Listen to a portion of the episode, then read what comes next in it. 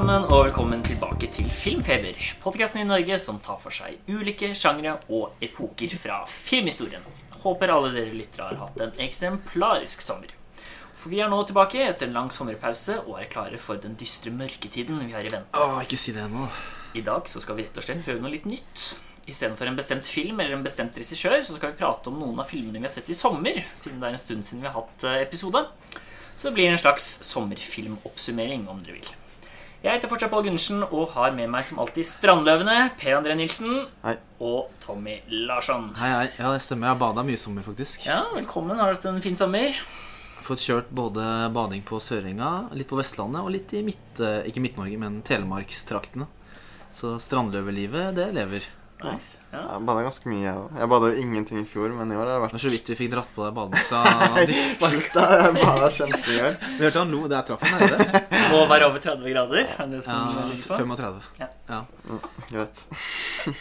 Ja, men Vi har jo fått sett litt film òg. Du har jo vært helt crazy. Vi, har jo, vi bruker iCheckmovies.com, så vi ser jo hva, vi, hva de andre ser. Jeg har liksom vært på hytta, og sånn, så ser jeg bare det renner inn tre filmer om dagen på Pål. Omtrent. Ja, det har vært på sånn to, en til to Vært daglig, det har det. Ja. I hvert fall på, når jeg var på hytta. Da var det liksom fly rundt og løpe i buskene og bade om dagen, og så film på kvelden. da Det ble liksom sånn Nei, det ble liksom sommertradisjon, så jeg har fått sett veldig mye. Jeg er spent på du har, siden har sett så veldig mye. Og du har liksom ikke Det er ikke Anchorman det har gått i heller. Det var liksom veldig mye sånn kødfilm kred-film det har gått i. Vi får se, vi får se hva jeg velger Ja, fram. ja. Jeg har bare sett på reality-TV hele sommeren. Ja. Ja, vi så en ganske morsom her før. Det var eh, Det var noen japanere som kjørte i bil gjennom Kenya, var det vel? Det, Love Van, eller Love? Love, Love Wagon. Ja. Ja. Love Wanken. Ja, Ja. på Netflix. Det skal vi ikke prate om. Men. Og før det så ble vi klissvåte også. Det blir mye anekdoter her, men jeg og Per skulle kjøpe pizza, og så bare, når vi kom tilbake, så bare regna det helt sinnssykt mye. Jeg var helt kl- klissvåt. Måtte stå med sånne hårføner nå før eh, Så jeg er sokkeløs sokkene Greit å spille inn uh, med bare Pål sitter her bare i uh, bare T-skjorte, ikke underbukse. Så Alt ble godt. ja. Men eh, vi får komme oss videre. Det har jo også vært litt spennende ting i sommer. Det har jo vært eh, Cannes filmfestival. Vi nevnte det så vidt Ja. at det var en del norske der. Og selveste Renate Reinsve vant beste kvinnelige skuespiller i Joachim Triers film 'Verdens verste menneske', så det var utrolig gøy. Ja, jeg, jeg satt jo og håpa på selvfølgelig Gullpalmen. Satt jo og krangla med vår felles venn Sindre på ingen sted. Så påstod at den kom til å vinne på sjetteølen der, men det gjorde den ikke. Men eh, det var jo gøy at hun vant den. da Det har jo ikke vunnet så mange norske opp igjennom. Så den, den virker jo å være veldig populær. Og Ja. en av de beste filmene derfra, får vi håpe. Ja, jeg er litt sånn enig, fordi Det at hun vant, var dritkult. Både for henne og for ja, litt mer sånn creds til Joachim Tiersen i filmer. da At han faktisk vant en pris på Cannes. Men som du sier, det var jo nesten Jeg vil i hvert fall si topp to mest kritikerroste filmer fra Cannes. Det var jo nesten ingen dårlige liksom, tilbakemeldinger av noen. Og det som er når du først gir til skuespiller, så er det vel sånn regel at da kan du ikke gi Gullpalmen. Oh, ja. Men de har jo fortsatt eh, andreplass og tredjeplass, og begge de var splitt. Ja. Suri mente jo faktisk at hele fem filmer var bedre enn den, og det er litt overraskende. ja, Altså. Men Spike Lee, han, du merka han surra fælt. Han sa jo feil eh, Han sa én en gang, eller Ja, noe for sånt. Andre Gullpalmen gikk jo sånn. til eh, den Titan, tror jeg Ja. han uttaler det. Eller noe sånt Og det er jo hun som lagde den Raw for noen år siden. Mm. Og han bare Han, bare Sa sa, han sa jo det før Ja. han skulle si det. Det var jo siste prisen. Så da Mm. Ja. Han Det røpa det sånn. Jeg tror det var De andre franskmennene bare No, no, no! sånn, Klasker seg i huet når han Ja. sier filmen avslører vinneren. Men det var Jeg syns det var en årgang med liksom veldig mye som virker som bra. da Jeg har i hvert fall ti filmer som, jeg tenkte, som virker veldig bra. da Ja. Både den nye til Sean Baker, nye til Forhøfen og liksom den Titan som vant det norske, og den West andre, de, den, de uskyldige, den andre norske, og West Anderson. Så det er liksom så mange filmer, da. Mm. Ja, Den som vant, er kanskje noe som interesserte meg minst. Ja, ikke sant? Ja, Så- Spesielt den til Baker. Den Ja, heter jo. Red Rocket. Og veldig mange sier at det er hans beste film. Og jeg var jo veldig glad i The Florida Project. Ja. Så om den bare er like god som den, da, så blir jo Ja. jeg dritgira. Så den, den ser spennende ut. Og så selvfølgelig alltid Wes Anderson. da Mm. Både Ja. du og jeg, Tommy, har jo sett nesten alle filmene hans i år, så Ja, Det blir gøy. Skikkelig maraton. Mm. Nei, det blir, eh, det blir gøy. Det kommer jo utover høsten og ganske kjapt òg. mm. Fra september og oktober så ruller det inn. Så satser på at det blir et bra filmår til slutt når man får Når man ikke lenger har uh, Justice League på sånn andreplass, sånn som jeg har nå. Veldig kul film for all del, men uh, kjenner at jeg begynner å bli litt sånn desperat etter, etter, etter i fjor og i år, med på en måte hvor det har vært så lite sånn film. da Lite sånn Det var ikke så mye i fjor, rett og slett. De Oscar-filmene, men det er liksom Jeg har jo liksom sett mindre enn moderne film vil jeg si, de siste to årene, og det har jo litt med det som du nevner. At liksom, jeg vil altså. ikke se nytt bare for nytt, så det at det er såpass mye spennende på Cannes da, som kommer i høst, det, det tror jeg blir gøy. Yes. Men da kan vi jo kanskje gå litt videre. Det er jo som vi sa, vi skal sett litt sånn siden sist, og vi tenkte jo da ta litt sånn runde på tre hver, men før det så har vi også vært på kino sammen. Ja. Vi så jo The Green Knight av David Lowery, som blant annet eh, har laget A Ghost Story fra 2017. da. Ja, han, har jo, han er jo en litt sånn snål kar. Han har jo lagd eh, Ghost Story, som du sier. Før den så lagde han Pete's Dragon, som var en sånn Disney live action remake av den Pete's Dragon. Pete's Dragon før, ja. Som jeg for så vidt aldri har sett, verken den tegnefilmen eller den han lagde. Jeg har sett klipp av den tegnefilmen. Det er jo sånn ekte gutt med en tegnetrage? Ja, er det ikke det? stemmer, ja, stemmer det. Mm. Det er, det stemmer. Ja. Uh, og så har han jo nå, leste jeg nå i går eller forgårs, så har han nettopp wrapped filming på Peter Pan, eh, live action Disney. Oi. Så altså, det er utrolig merkelig med liksom Ganske Ghost sprik, Story, ja. The Green Mm. Knight, og så nå enda en Disney-film. da Så han på en måte måker inn penger til å lage de rare indie-filmene sine. Kan, kan nesten virke sånn. Mm. Og det er en del av det store A24 da, som han er en del av, som på en måte er de som har litt budsjett, men fortsatt har litt sånn indie-preg, eller hva man skal si. Sånn, Ja, det, er ikke så, det er liksom ikke rene mainstream-filmer, selv om de har litt budsjett. Jeg syns jeg så en eller annen, om det var rogerebert.com eller hvor det var, hvor du liksom kalte eh, Green Knight for en Arthouse blockbuster. da Mm. Fordi den er litt Den er, litt den er som A24-filmene er, men den har kanskje et lite hakk opp på liksom, ja, mye effekter, CGI, og foregår i en fantasy-verden. Og Mm. selv om filmen har en på en måte stil som minner om mange av de andre A24-filmene, da, sånn som The Lighthouse og Killing a Sacred Deer og Midsommar. At det er på en måte mer det likevel enn Ringenes herre vi får i denne Ja. fantasy-filmen her. Mm. Ja. Men kanskje vi da skal begynne litt med bare sånn sypnos, no- synopsis, Ja, hvis jeg klarer å si det riktig. ja det var så vidt. Prøver i hvert fall. Det var så vidt. Prøver. Eh, Det er ikke på tolvte ølen, men eh, eh, Ja, det handler jo om eh, sir Garvin, eh, som jeg tror uttales. Det uttales på flere måter i filmen. Jeg tror det er noe sånn dialektgreier. Eh, Noen sier Garvin, noen sier Garvin, noen sier eh, Og han er jo da king Arthurs nevø, eh, som bor i England, og det foregår jo da på jeg tror det er 400-500-tallet. Det er mye jeg misforstår. Jeg har ikke gjort så mye research, egentlig. Og det kommer ikke så tydelig fram i filmen heller. Nei. Det er basert på det gamle diktet 'Sir Garvin and the Green Knight'. Og filmen åpner med at han da eh, bor i denne slottsgården. Eh, og i en av åpningsscenene, for å gjøre det litt kort, så kommer det da en treskjegg eh, fra 'Ringenes herre'-aktig, mytisk, gigantisk to-tre meter høy figur dundrende inn der på julaften. Og utfordrer han til a Christmas game, da, som de sier. Eh, han skal få kunne duellere mot The Green Knight.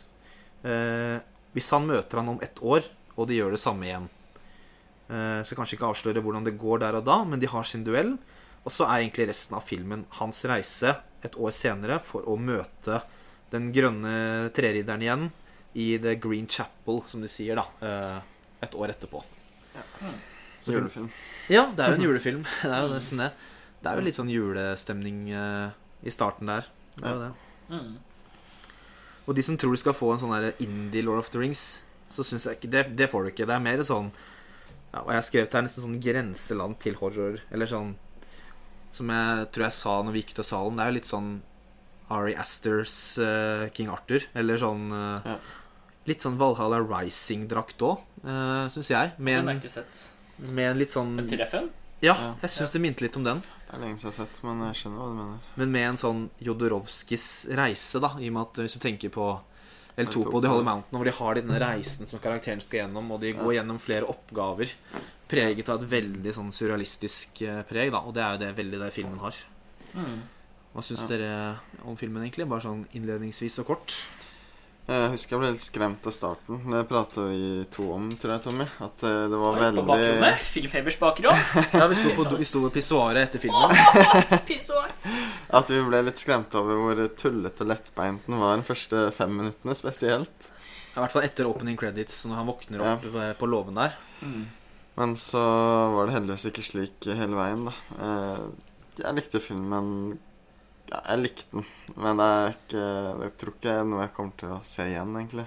Men uh, Ja, Der og da så var det- Pluss, på en måte. ja, det er den filmen jeg likte best fra i år, tross alt. Det er årets film- sier så mye, Årets film men- likevel. Så ja, det er mye å ta tak i rent visuelt, og så er det en del ting jeg sikkert kommer tilbake til som jeg ikke likte fullt så godt. da. Ja, Pål, hva er den kort, Ja. korte dommen? Litt enig, egentlig. Sånn, noen ting jeg likte, og noen ting jeg ikke likte så mye. Og det jeg likte best, var vel egentlig tempo og naturdelen, egentlig. Ja. Sånn, mye sånn hvordan det var ute i naturen. Og det var liksom da filmen blomstret for meg. da For du har vært litt hemmelighetsfull. Jeg vil liksom ikke si noe når jeg vil komme ut av salen. Vent til mikken er på. Mikken er på. Så du er litt eh, lunken, litt sånn halvlunken, altså? Jeg vet Nei, jeg syns mye av det var bra. Så egentlig sånn midt på treet. Sånn ting jeg liker, ting jeg ikke liker, på en måte. Vil jeg Ja. si. Ja, Jeg er overraska at du ikke likte den bedre. Jeg følte kanskje var mest på Ja, film. jeg er kanskje mest positiv. Jeg hadde, men jeg hadde veldig høye forventninger. Jeg vet ikke helt hvorfor jeg fikk det. Jeg bare Nei, du har pratet om den Jeg så den traileren for et år siden når den kom, for den skulle jo komme sikkert i fjor høst her òg, sånn som alt annet. Ja. Og da var jeg litt sånn Ja, det ser greit ut. Men så nå, når det plutselig nærma seg, så syns jeg den traileren så så bra ut. I tillegg til at det begynte Ja. å komme inn anmeldelser fra noen kritikere jeg følger, da. Mm. Som slang ut så sterke ord om at å, det er så surrealistisk. Og det er så Jeg hadde så veldig store forventninger. Mm. Og sånn midt i filmen så husker jeg tenkte til meg selv sånn Ja, ok, dette er dritkult, men det er ikke der jeg det er kult. Jeg håpa selvfølgelig på å bli helt slått i bakken. Ja. Det ble jeg ikke, men er for meg er det også årets film, og jeg har jo sett Ja, 25, 25 eh, 2001 Jeg har nesten ikke sett, så det er nok garantert min årets film òg. jeg har ikke sett så mange. Nei, så jeg bare liker det. Den er liksom sånn Det du får, er en middelaldersk eh, syretripp og en sopptur. En Ja. surrealistisk sopptur, da. Og det er det jeg syns er så kult, at den minner jo tross alt ikke om så mye annet. Nei, det er sant. Mm. Nei, Jeg kan jo ta litt sånne ting vi liker. Jeg syns Ja. ofte tagningene var veldig fine. Eh, spesielt når den rir ut mot landskapet. Synes det er Ja. veldig fint landskap. Det var vel i Irland, tror jeg. eller noe sånt. Nord-Irland de spilte Ja, rundt Vi trodde det var Island, husker Ja. jeg vi snakket om, men, men så, viste det, så viste det seg at det var eh, Irland. Ja, filmen. veldig lang tagning, og så kommer det sånn svær sånn saueflokk gjennom og, i bakgrunnen. Og, og spesielt også den scenen hvor han ligger bundet og det spinner rundt, og du plutselig ser skjelettet til han. Og liksom sånne Ja. ting At liksom du får det der sånn drømmete, sånn psykedeliske som du nevnte. Men min kanskje aller favorittscene var åpningsscenen, faktisk. Det stillbildet med alle Ja. disse dyrene. Det er sånn hesten står der, masse sånne geiter og gås. Og Jeg likte også det veldig godt. Og så plutselig er det ikke stillbildet, men så begynner den å zoome ut, og du går inn i et sånt bordell. Og ja, Det var veldig kult, syns jeg. Jeg likte også veldig godt den åpningsscenen og med liksom snøen. Også sånn bytting mellom opening credits og de dyra. Mm. Og så likte jeg at du så at de dyra var skikkelig fæle. At det var sånn herre Ender som ah, kakka på en ku, eller hva det var. Ja. Geit var det, ja. Og da, for da, det følte jeg var liksom Det var ikke bare at vi skulle bare Det var ikke bare Jeg følte ikke poenget bare var å skildre noen dyr og eh, Nei. setting, men å liksom Litt mer vis, ampert. kanskje vise at filmen har noe liksom ondsinna i seg. da Mm. At det er noe liksom Det er ikke noe hyggelig å være i den verden du skal til nå. Mm. Fikk jeg veldig følelsen av. Ja. Og det syns jeg Jeg synes det minte litt om midtsommeråpningen der, med det snøen som daler ned helt i starten av filmen der.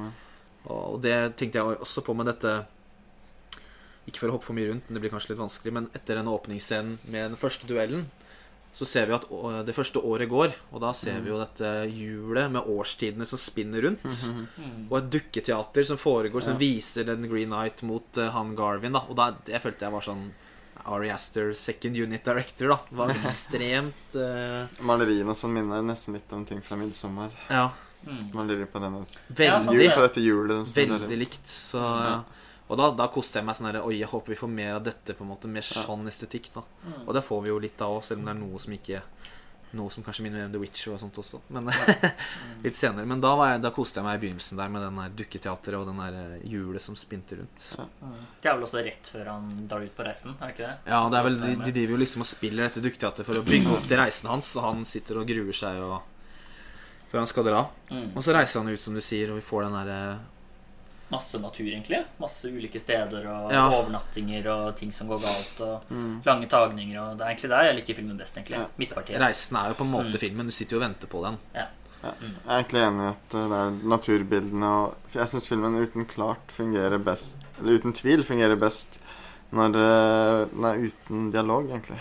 Mm. Ja, det kan du godt si. Eh, Det er kanskje der den skorter mest, kanskje. Sånn, den har jo noen ideer den prøver å framforme i dialogen. Ja. Som den prøver at filmen handler om tematisk. Det kommer vi kanskje tilbake til. Men Det er på en måte helt klart det visuelle, lydbildet, musikken av Daniel Hart, Ja, er som er på en måte det som driver filmen for min del. Da.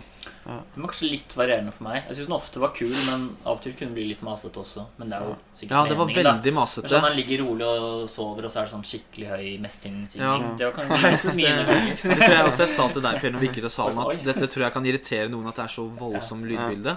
Men det Det er jo meningen, så det er jo ikke sånn tabber i seg sjøl, men det var litt mer sånn smaken min, da. Min, min, favorittscene nevnte ingen av dere, faktisk. Det er eh, den scenen hvor han skal dukke etter Han skal dukke etter et hode som har falt ned i en eller annen bekk, eller En lite sånn Lite tjern, bitte lite tjern. Knallrødt. Ja, det syns jeg var ganske fint. Han hopper ut i et bitte lite tjern som virker som du kan gå i omtrent. Og så Mm. viser det seg at det er dritdypt. da Og mens han driver svømmer under vann, så blir det plutselig sånn blodrøde farger. Og, Mm. og da er også musikken veldig intens, husker jeg. Det var faktisk et annet sånn poem som de putta inni der. Som oh, ja. egentlig ikke er i det originale. Yes, det er. Alt det som er rundt der. Men den syns er jeg var utrolig flott visuell. da Og liksom hvor evig svært og tomt det var der. Mm. Det er litt interessant at du sier det med at jeg putta inn et annet dikt, fordi det er mulig Jeg tviler på det, men det er mulig det er noen eksperter på gammel episk engelsk diktning her som hører på. Men du kan arrestere meg. Men jeg har hørt at historien i seg selv er så fragmentert, det gamle diktet, Mm. at det er mye av den reisen som er mange sider som mangler. Og vi vet ikke helt reisen hans, og det er derfor filmen er litt sånn fragmentert. Og han drar fra sted til sted, og kanskje derfor de har putta inn en annen historie inni der. da Det kan hende. Så derfor syns jeg det passer at den er litt sånn der Plutselig er han der, plutselig er han der. Ja, jeg syns ikke det gjorde noe, egentlig. Det var Nei. veldig sånn på et stopp på veien, da. På en mm. måte. Så det var ikke så Og bare for å komme tilbake til det med natur òg, før jeg glemmer det. Det dere sa med at naturen er det beste. For det tenkte jeg også på. Fordi når han kommer ut første gang av Slottet og den der kongsgården, så er det så veldig sånn Det har vært så mørkt. Det har vært så mye close-ups inni den der kjelleren inni det der Mm slottet. Og så når han kommer ut, så er det så stor wideshot med liksom hele naturen. Uten at det er veldig sånn Se så vakkert det er, men det er så veldig storslagent. da Ja. mm. Så der, Vi går fra veldig mye close-ups i kjelleren til den gigabildet. Og det syns jeg var litt kult at Mm. at, eh, men det var veldig sånn i utgangspunktet litt sånn stygt og hvitt og kaldt når han kom ut der. Men det er liksom litt kult at filmen ikke overdriver de naturskildringene heller. eh, At det skal være så fint, da. Det var litt øde der også. Ja. Men det kan være fint, det òg. Så ja, jeg vet ikke hvor mye man kan si uten å spoile og sånn. Ja, snakke om ting vi ikke likte, kanskje? Ja, for meg var egentlig premiss, egentlig. Ja, okay. Hvor, hvorfor han dro ut. Eh, Det er kanskje litt vanskelig uten å, uten å spoile, så kanskje jeg ikke skal si noe mer om det. Men eh, Hva skal man si? det var på en måte Det bygger jo opp mot ære og skjebne, men Ja. Jeg vet ikke hvordan jeg kan si det uten å spoile, men jeg likte ikke så godt det, da. Grunnen til at han dro ut. Han savnet jo kanskje en mening, da. For det virka som han var veldig sånn lasaron som festa og surra Mm. på rikdommen til eh, Jo, men det er liksom. enig i, men det var mer det hva som, på en måte, hvordan det skjedde, da. Ja. Som jeg ikke at det kunne vært mer. Jeg syns den litt lignende for eksempel mye bedre i 'Prinsesse Mononoke'. Hvor han også har en veldig sånn sterk curse som virker ganske håpløst, Mm. men han drar ut, da. Så jeg syns på en måte hvordan den leken med den der Green Knight, eh, det syns jeg var litt sånn rart, da. Jeg syns den kunne vært ganske Ja. mye bedre. Og det gjorde også at reisen for meg føltes litt sånn meningsløs og retningsløs, da. Ja, jeg skjønner litt hva du mener, for det er jo litt sånn Jeg vet ikke om dette er kanskje spoiler, men jeg, jeg velger å tro det ikke er det. Så får vi klippe ut hvis det er spoiler. Eh, for kongen, han, kongen sier jo i starten til eh, han Søren Garvin Har du noen historie å fortelle meg, så jeg kan bli mer Mm. kjent med deg? Og så sier han jeg har ingen historie ennå. Og så et sekund etterpå kommer The Green Knight inn, nesten som en reddende engel. Ja. Her, her skal du få noe historie, og det blir, det blir jo litt sånn rart.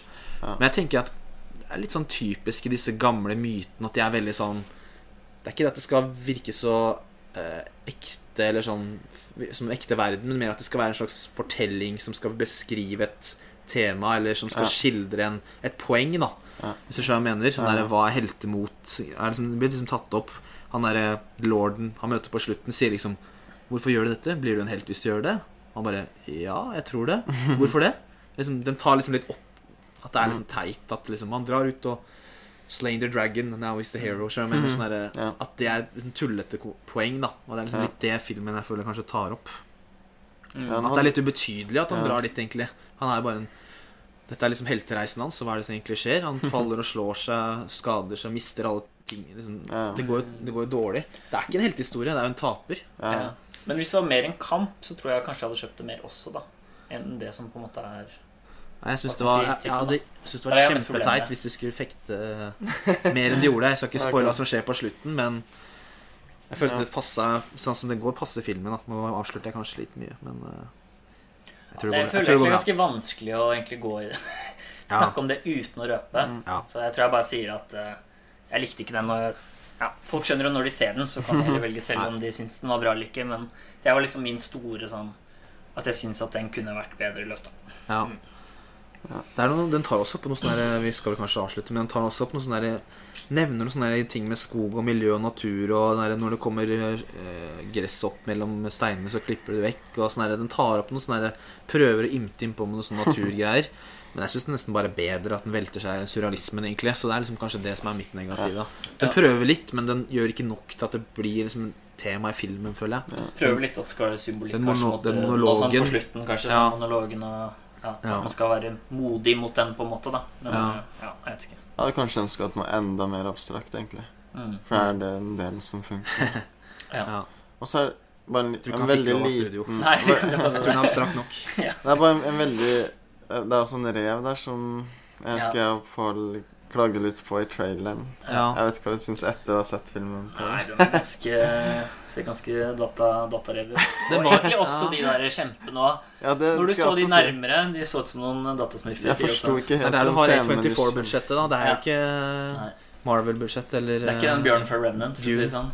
Men når det plutselig dukker opp sånne gigantiske Godzilla-størrelse mennesker Det skjønte jeg ikke helt. Det var en form for surrealisme som jeg ikke helt Nei. Nesten ikke passa inn i universet, syns jeg. Eller Nei, det var, hadde det, ikke var sett noe, de før. det var noe man aldri har hørt om, i hvert fall. Det er vel ikke det med den poemen, nei. Tror du ikke det? Nei. Jeg vet da. Det var, var bare litt sånn ut av det blå. Ja. Så svære skapninger. Nei. Nei, det minte jo ikke om noe man har sett før. Kanskje Godzilla, men ikke så mye Ja. om det heller. Ja, ja. Nei, det, jeg syns i hvert fall det er frisk pust. eh, Ja. Det var liksom digg å se noe som ikke minner om noe annet. Og, ja. Mm. Og så er det noe litt ambiguous, eller hva, hva det blir på norsk. ja, det er klart. Mm. Nei, kanskje vi skal gå videre da. Da har vi Mhm. fått snakke litt om The Green Knight. Så da har vi egentlig ikke planlagt noen rekkefølge her, så Nei. kanskje vi bare skal ta det på sparket. Ja. Noen som vil begynne? ja, jeg kan begynne, jeg. Ja. Greit. Så kan vi ta én og én hver, da. Så bare tar vi runden. Ja. Mm. Da starter jeg med den filmen som jeg så nyligst, faktisk. Det var i forgårs. Og det er en film som heter 'Lady in a Cage' fra 1964 av Walter Grauman. Og nå tenker dere Ja, den, ja? Nei, det gjør ikke det, for den er ikke så kjent. Mhm. Eh, det er en psykologisk thriller-horrorfilm eh, som eh, vi så jeg og samboeren min på grunn av hovedrollen spilles av Olivia de Havilland. Ja. Som er en av favorittskuespillerne hennes, egentlig. Hun er mest kjent fra kanskje Tatt av vinden og den Robin Hood fra 30-tallet. Mm. Og hun ble 104 år. Ja, hun døde jo i fjor. Mm. eh, og den er fra 60-tallet. Og det er sånn her, begynner å bli som mamma her, hvis det er lov å si. Eh, og Cancelled.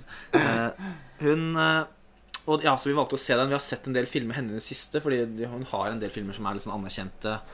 Og eh, som vi tenkte at det hadde vært litt moro å se. Fordi som på 30-tallet så var det veldig disse liksom, fantasy og liksom sånne store drama- og romansegreier. Og så utover 40, først skal dele på 40, men 50- og 60-tallet så begynte hun å spille i sånne liksom, litt sånn snåle horrorfilmer. Og liksom sånn Etter at den uh, Whatever Happened to Baby Jane kom ut med Mm. Betty Davis, så ble det liksom mer sånn vanlig at damer i 40-50 pluss liksom fikk andre roller enn å spille sånn kona eller uh, Mm, sånn, da. For der, i den Baby Jane så er det jo sånn crazy dame damer i 50 pluss som løper rundt og skriker horror og greier og sånn. Ja. Og dette her er liksom en litt sånn avstikker som har blitt mulig etter den eh, trenden der, da. Mm. Eh, og det først må jeg bare si en advarsel. Eh, når man søker på denne filmen Lady in the Cage, må man passe på litt. Fordi at man, hvis man Jeg søkte på YouTube, og kom opp noe, det kan komme opp noe pornografisk. Eh, men eh, jeg bare advarer. Eh, men det er rett og slett en film eh, hvor hun spiller en eh, mor. Voksenmor voksen mor har en sønn som eh, er på besøk hos henne. Reiser ut i starten. Hun bor i et sånn rikt hus. Stort hus. Og så har hun brukket beinet, så hun tar en sånn mekanisk heis fra første andre til andre etasje. Eh, Premisset er at du setter seg fast i denne heisen fordi strømmen utafor går. Det er en sånn uh, ja, Teknologien vet jeg ikke hvordan fungerer, men det er jo 60-tallet. Men det er noe Mm. sånn, som går, en sånn uh, greie som går utafor der. Sikringgreier. Ja. Heisen stopper opp. Og så tro Jeg trodde det skulle være litt sånn Nesten sånn kammerspill eller én skuespillerdrama, hvordan hun tolererer å være inni her. Men det er, det er det det ikke blir, for det blir en home invasion-film. Hvor det rett og slett kommer uteliggere og gærne sånne folk som bryter seg inn i huset her mens hun sitter inne i buret. Og det tror jeg faktisk jeg har hørt. Ja, det hørtes litt kjent ut. når og vi ble veldig tatt det. på senga, fordi den er fra 64. Det er noen år før Clockwork Orange, og, Mm. og i hvert fall før Funny Games, men det er faktisk nesten på det nivået. Vi ble helt uh, nesten satt ut av hvor drøy den var, da. Eh, James Caan spiller sin første rolle noensinne. Han Ja. kjent fra Gudfaren. Gudfaren og Misery, blant annet. Mm. Og han er en skikkelig sadistisk kar. Den filmen er sånn overdrevent fæl. Den koser seg i volden. Yes. Uh, så det er liksom nærmest man kommer den scenen fra Crockwork Orange, da når de synger Mm. 'Singing the Rain' der.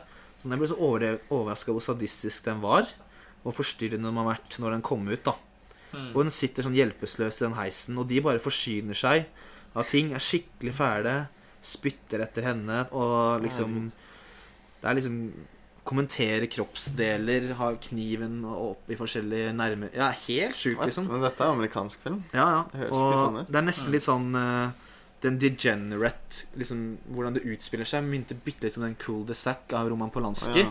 Hvordan folk bare kaster ting, knuser og kaster seg rundt. Og det er liksom alle normer og lover er bare kasta ut av vinduet, da. Høres ikke like humoristisk ut, kanskje. Nei, det er liksom litt sånn Then Wait Until Dark.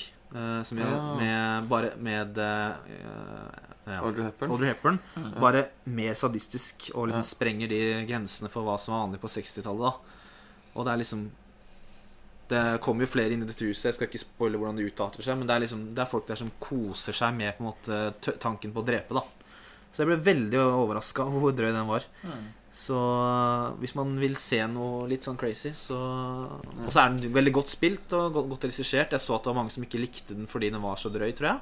Mm. Og noen som mente at den var litt sånn pulpy, litt sånn trashy. Men jeg følte den var mer sånn Ja, litt tidlig ute og litt Jeg følte at det lå noe verdi i det. da Det er ganske vilt når du ikke er forberedt på det. da Og at det er en sånn, ja, og at det er en sånn liksom, legende fra 30-tallet tatt av viden, som sitter i heisen. Hun må jo ha lest manus og bare Ja, vi kjører. Vi spiller den her, liksom. Ja. Så ja, Var kanskje filmen lang, egentlig?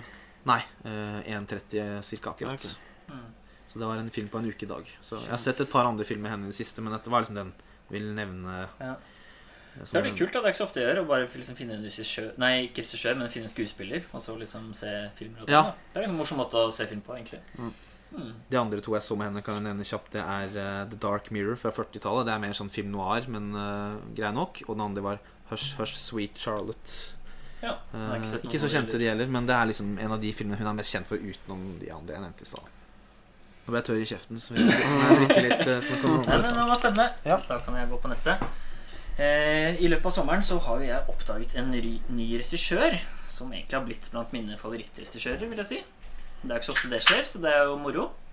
Det er da Edvard Yang, som var en av de ledende innenfor taiwansk nybølgefilm, som da er fra sånn rundt midten av 80-tallet og frem til slutten, slutten av 90-tallet cirka.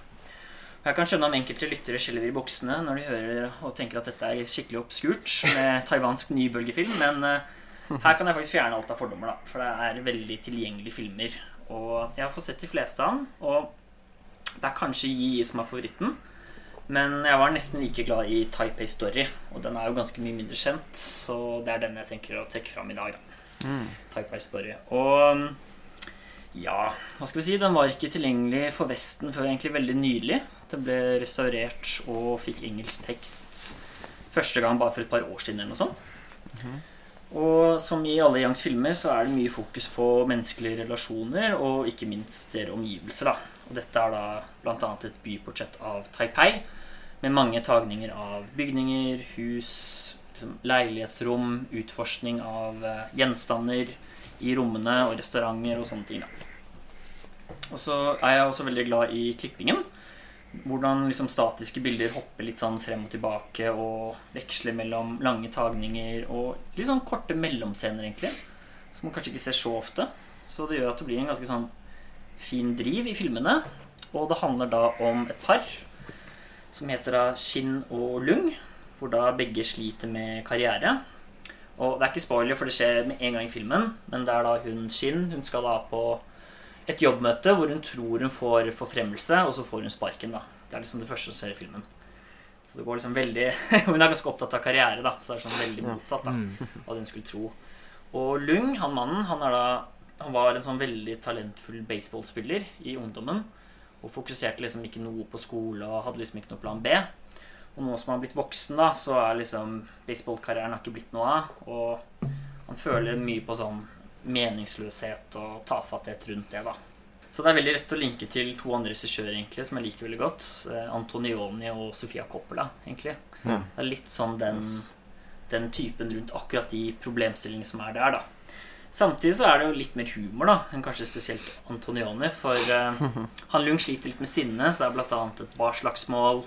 Det er noe sånn fyllekortspillgambling som varer hele natten. Det er en veldig kul scene hvor de er på eh, diskotek, og de er på dansegulvet og danser, og så plutselig går lyset, og da liksom, hva, skjer da når musikken går, eller sånne ting, da. Så den har liksom litt sånne morsomme ting som gjør at det blir ganske fint driv i filmen. Og så helt til slutt så kan jeg si at den tar opp eh, en del samtaler rundt det å føle litt, sånn, hva skal man si, sånn retningsløs etter liksom hva som skjer. da. Og da minnet meg faktisk ganske mye om eh, tematikken til Frances Ha. da. Hvordan liksom Mm. de tematikkene går. selv om det er selvfølgelig helt annen stil. da. Ja. Så jeg tror ja, spesielt P tror jeg hadde likt denne filmen veldig godt. Sånn at du liker liksom sånne type filmer. Jeg liker alle de referansene du Ja. har nevnt. Ikke meg. Jo, jo. Jeg. Ja, har du, Men, jeg har sett alt av Coppola og det meste Så jeg tror Ja. Men jeg har sett Edvard Young, da. Mm. Ja, den har ikke jeg sjekka ut Så den her kan jeg anbefale. Altså, det høres nok veldig rart ut, men Nei, veldig tilgjengelige filmer, altså.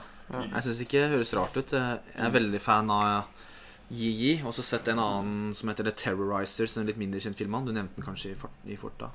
Ja, Eh, nei, men ja. Så jeg, det der høres jeg, liksom, Taiwan og Hongkong på 80- og 90-tallet. Det er liksom en Mm. egen estetikk. Den derre Ja. Malboro-siggen og Ja, neonlys-greia, veldig. som du sa. Så sånn det er Svær jeg neon med sånn Fuji-filmplakat der det står Sigge foran, og så kommer det sånn motorsykkelgjeng ut, og det er sånn kule Ja, det er en veldig. Jeg liker den. uh, mm. Så den, ja, den er, jeg syns det høres veldig interessant ut med den. I hvert fall hvis den er litt sånn Yi, da, som jeg likte Ja. Og den er mye kortere òg. Så den er en time og tre kvarter eller noe sånt. Ja. Så det er ikke sånn monsterlengde. Nei. Skal jeg helt klart få sett.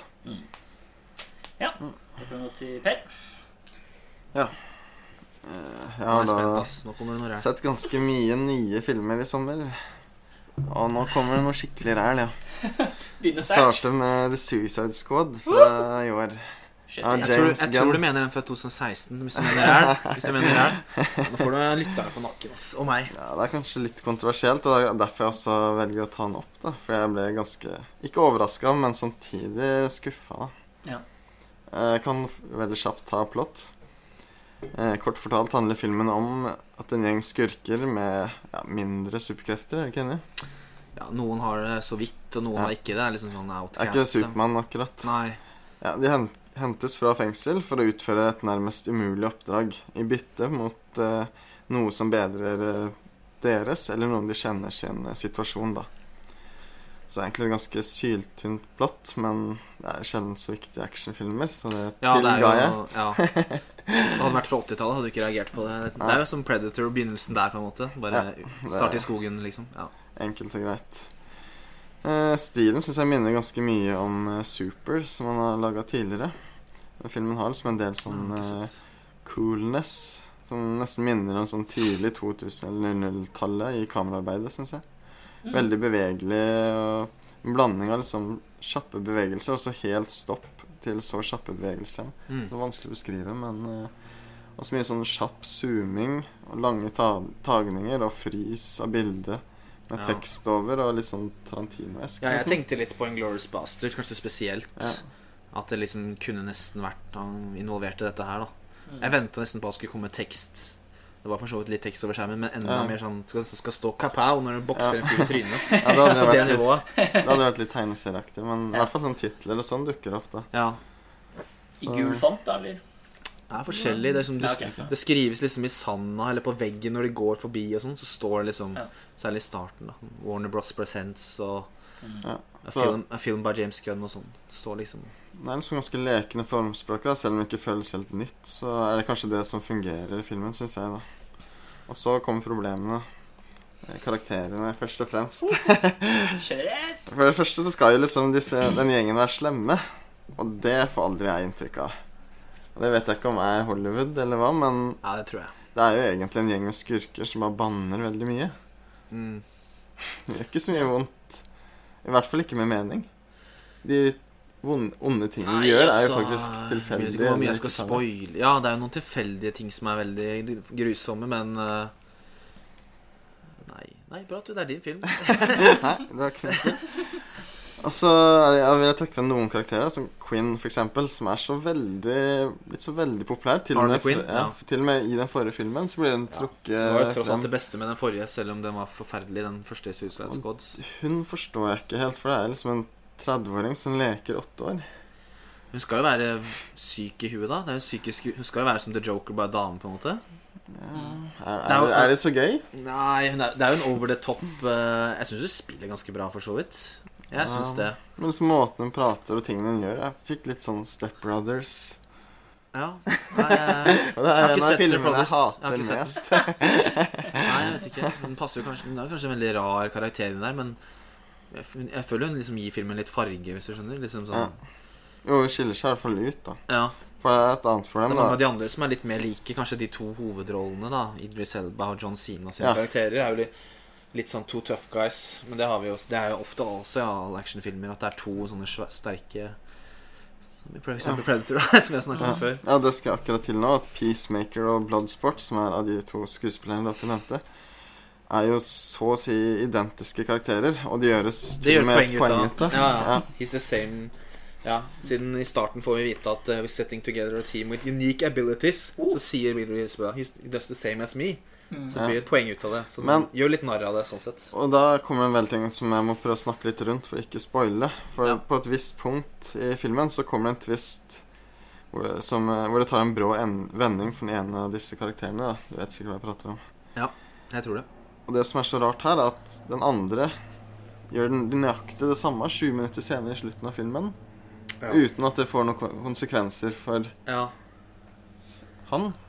Så det er liksom veldig sånn Jeg vet ikke om jeg skal kalle det plot men der forstår jeg ikke bare hva som Nei, det er kanskje litt Jeg kan være enig at det er, Ja, jeg skjønner hva, det, skjønner hva det henviser til. Eh, det var andre ting som måte, tok kanskje oppmerksomheten min, men eh, Så det, det forstår jeg ikke noe som helst ut av, egentlig. Nei, jeg føler nesten at han Jeg føler kanskje at han legger den problemstillingen litt på is, eller sånn Vi får se. Fikk jeg litt inntrykk av, kanskje. Mm. Men eh, bortsett fra det, så er jeg jo enig at det er ikke noe spesielt bra, akkurat den biten.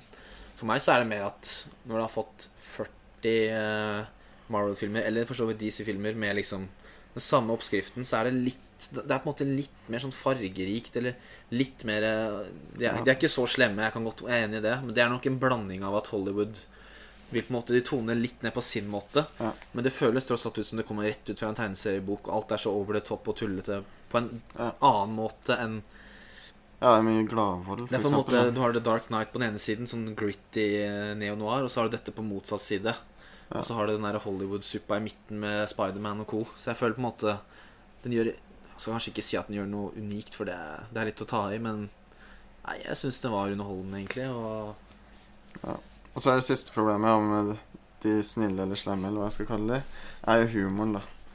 Og Ja. det mener jeg at den henger jo igjen Selv om den velger å være såpass annerledes fra andre superheltfilmer, så tør de liksom ikke å riste av seg den, da. Nei.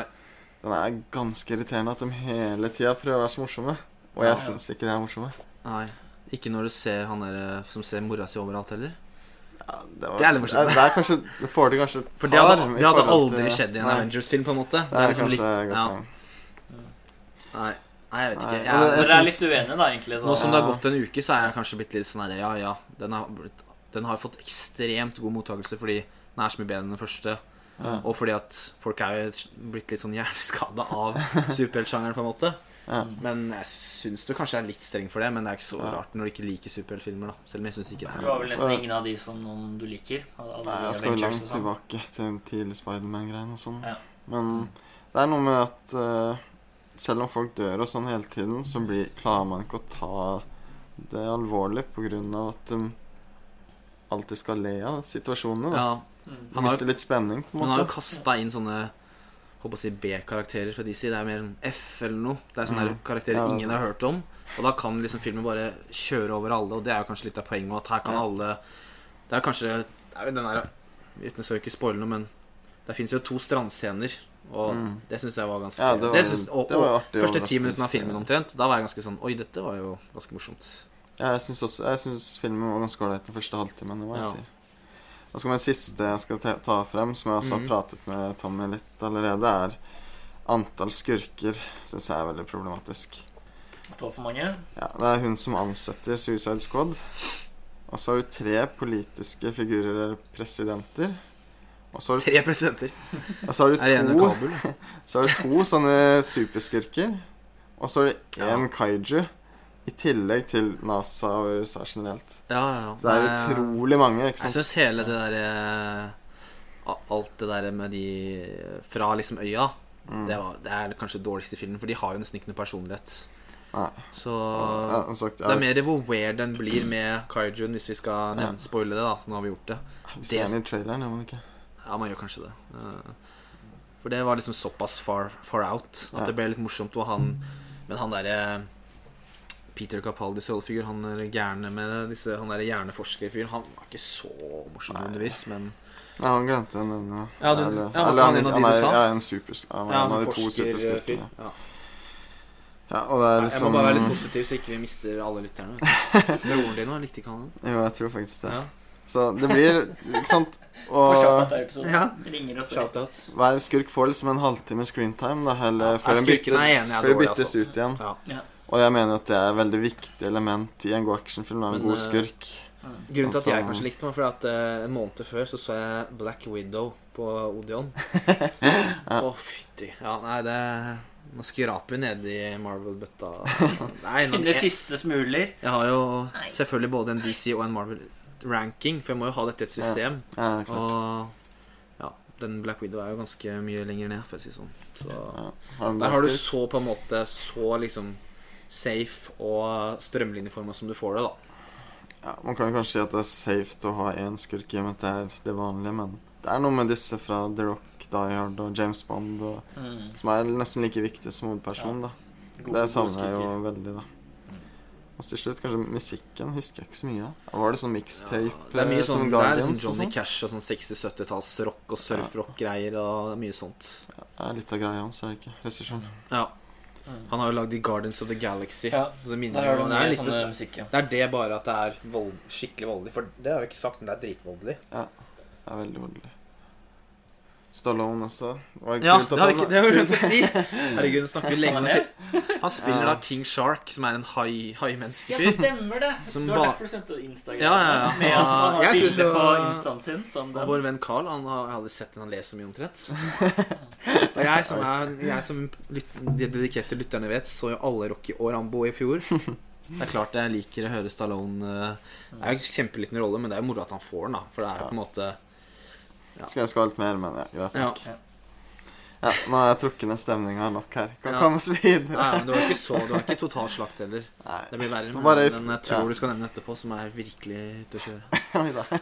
Ikke les i notatene mine. Ja, sorry. Står sånn ute å kjøre. Det er sånn første kommentar. Men det er kanskje meg igjen nå. Hvor fort det er Ok. Eller ikke. Ja, det tror jeg ikke. Men, Nei. eh. Nei, det går ikke fort. Eh, jeg, da skal vi bytte helt beite. Det blir nesten veldig, sånn der, veldig vri om huet nå for å gå fra den filmen der til den her. Ja. Men jeg har eh, tenkt å ta fram, eh, i kontrast til nummer tre jeg skal nevne også, eh, Toki Boki, eh, som er en film eh, Jibril Diop Mambeti fra Senegal fra 1973. Og det er jo da en av de største afrikanske regissørene, og i hvert fall en av de største fra Senegal, eh, sammen med han Osman Sembene, som jeg nevnte i 1966-episoden vår. Ja, han har jeg hørt om, men han du sa nå, har jeg Og ikke hørt om. Jeg snakka jo faktisk med sønnen til regissøren på Instagram. Fordi jeg la jo ut bilde at jeg hadde sett denne filmen. eh, og jeg, lag, jeg tok sånn fire bilder i en sånn eh, firkant. La ut og skrev at jeg likte filmen og på den filmkontoen min. Og da kom jo sønnen inn, og han irettesatte meg, til og med. For jeg-. For jeg skrev jo Jeg var jo veldig positiv. Skrev at det var en surrealistisk fransk nybølgeaktig film bare i Afrika, og at den, var, at den gikk enda lenger i surrealismen. Så svarte han liksom 'Excellent movie, but it's not French New Wave at all'. Å ja. Så går jeg inn på profilen, ser den etternavnet, googler litt. Ja, det var sønnen. Det var sønnen til regissøren. Uh, men ja, jeg får vel bare fortsette å være vrang mot han, da, for jeg syns det var en hvis du liker Frans nybølger, så er det akkurat det du får. Bare at det foregår Eller ja, han vil være veldig uenig, da. Tydeligvis.